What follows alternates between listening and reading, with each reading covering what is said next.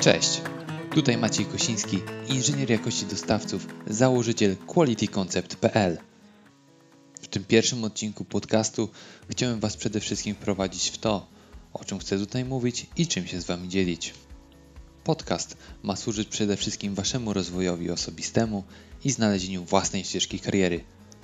W każdym podcaście będę chciał Wam przekazać najważniejsze i do tego sprawdzone metody pracy na etacie, którą udało mi się połączyć chociażby z podróżowaniem. Jestem pewny, że po każdym odcinku będziecie mogli wyciągnąć wiedzę, która przyczyni się do Waszego osobistego rozwoju. Z racji, że jest to pierwszy podcast, chciałbym się Wam na początku krótko przedstawić. Moja praca jest obecnie związana z firmą produkcyjną, aktualnie w branży medycznej w części automotive. Przez ostatnie kilka lat ukończyłem praktyczne szkolenia audytorskie, studia podyplomowe, ale co najważniejsze, zdobyłem chęć rozwoju osobistego i dzielenia się zdobytą wiedzą. Jestem i co jest bardzo ciekawe, spełniony podróżniczo, choć ten rok, jak dobrze wiemy, nie dał nam dużo możliwości. Podczas pracy, podkreślę, na etacie, odwiedziłem Stany Zjednoczone, Chiny, Południowo-Wschodnią Azję, Bliski Wschód oraz kraje Europy Zachodniej. Dobrze. Wierzę, że ta dawka informacji o mnie jest wystarczająca i możemy przejść do najważniejszego punktu dzisiejszego podcastu. A w nim dzisiaj dowiesz się o tym, co trzeba zrobić, aby zwiedzać świat pracując na etacie jako normalny pracownik. Zapraszam. Myślę, że wielu z Was oglądając portale społecznościowe, które nakręcają do podróżowania, zadaje sobie to pytanie. Nie wiem, czy istnieje precyzyjna recepta, która z pewnością umożliwi Tobie to latanie połączone z pracą, ale wierzę, że dzięki kilku moim radom możesz być bliżej realizacji tego planu. Zebrałem cztery główne aspekty, które z pewnością mają ogromny wpływ. Wiedza ekspercka. Jest to punkt, który jest niezbędny dla Twojej organizacji, firmy, aby wysyłać Cię w delegację.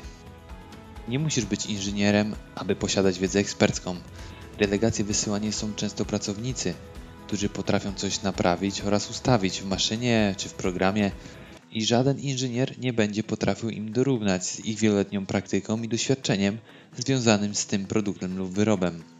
Ważne, abyś potrafił, potrafiła przekazać tą wiedzę ekspercką w delegacji w celu osiągnięcia zamierzonego celu stawianego przez Twoją firmę. Spełnienie punktu wiedza ekspercka przynosi profity Twojej organizacji oraz organizacji, która macie przyjąć, bo obie strony wiedzą, że jedziesz lub lecisz najczęściej rozwiązywać wspólny problem. Tip ode mnie. Postaraj się znaleźć coś, w czym będziesz lepszy od innych. Znasz się na rysunku? Zawsze znajdujesz coś do zoptymalizowania? Znasz rozwiązania trudnych tematów bądź masz mnóstwo pomysłów? Dziel się z tym z ludźmi. Język. Jest to bardzo ważny aspekt ściśle związany z wiedzą ekspercką i sposobem dzielenia się tą wiedzą. Jeżeli masz możliwość szlifowania języka ze znajomym z zagranicy, zrób to. Przyda się. Skup się na początku na dobrze wyćwiczonym w praktyce jednym języku. Tutaj polecam język angielski, gdyż chociażby dostępność materiałów do nauki jest nieskończona. Tip ode mnie. Skorzystaj z lekcji online z nauczycielem, nie trać czasu na dojazdy.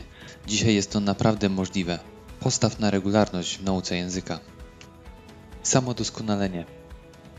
Na każdy rok pracy stawiam sobie jasny cel. W tym roku chcę być językowo na takim i takim poziomie. Chcę zdać egzamin na audytora z takiej i z takiej normy. Co roku chcę powiększać swoje umiejętności i popierać je dowodami w postaci chociażby certyfikatów, które mogę podpiąć do swojego CV. Samodoskonalenie wiąże się również z optymalizacją pracy, czyli co mogę zrobić, aby pracować efektywniej, lepiej. Spójrz na to ze strony pracodawcy. Jeżeli będziesz wydajniejszy, będziesz dla niego lepszym pracownikiem. Tip ode mnie. Stwórz sobie przejrzystą matrycę tego, co chcesz mieć wpisane w CV i czym się móc pochwalić za 5 lat. Może chcesz być świetnym specjalistą. Postaw na szkolenia i poszukaj takich, które realnie wpłyną na Twój rozwój. Chcesz być kierownikiem, menadżerem? Postaw na szkolenia z technik miękkich. Otwartość. Niby łatwa umiejętność, ale nie każdy ją dobrze rozumie. Ja przez otwartość rozumiem chęć wysłuchania osób, zrozumienie problemu, który posiadają, nie wychodzenie z pozycji większego i ważniejszego.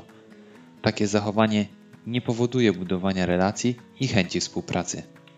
Tip ode mnie. Zawsze staraj się wyjść ze spotkania z gotowym rozwiązaniem problemu. Często wykonanie jednej czynności przez Ciebie, która nie do końca leży w Twojej gestii, powoduje, że problem rozwiąże się szybciej, a finalnie zespół czy organizacja będzie do przodu. Kazane punkty można by rozwijać w nieskończoność. Ja chcę Was naprowadzić, co u mnie się sprawdziło i jak podchodziłem do tych punktów. Cel był jeden: łączyć pracę z pasją do podróżowania i tego Wam również życzę. Jeżeli mogę coś dla Ciebie jeszcze zrobić, daj mi znać. Cześć.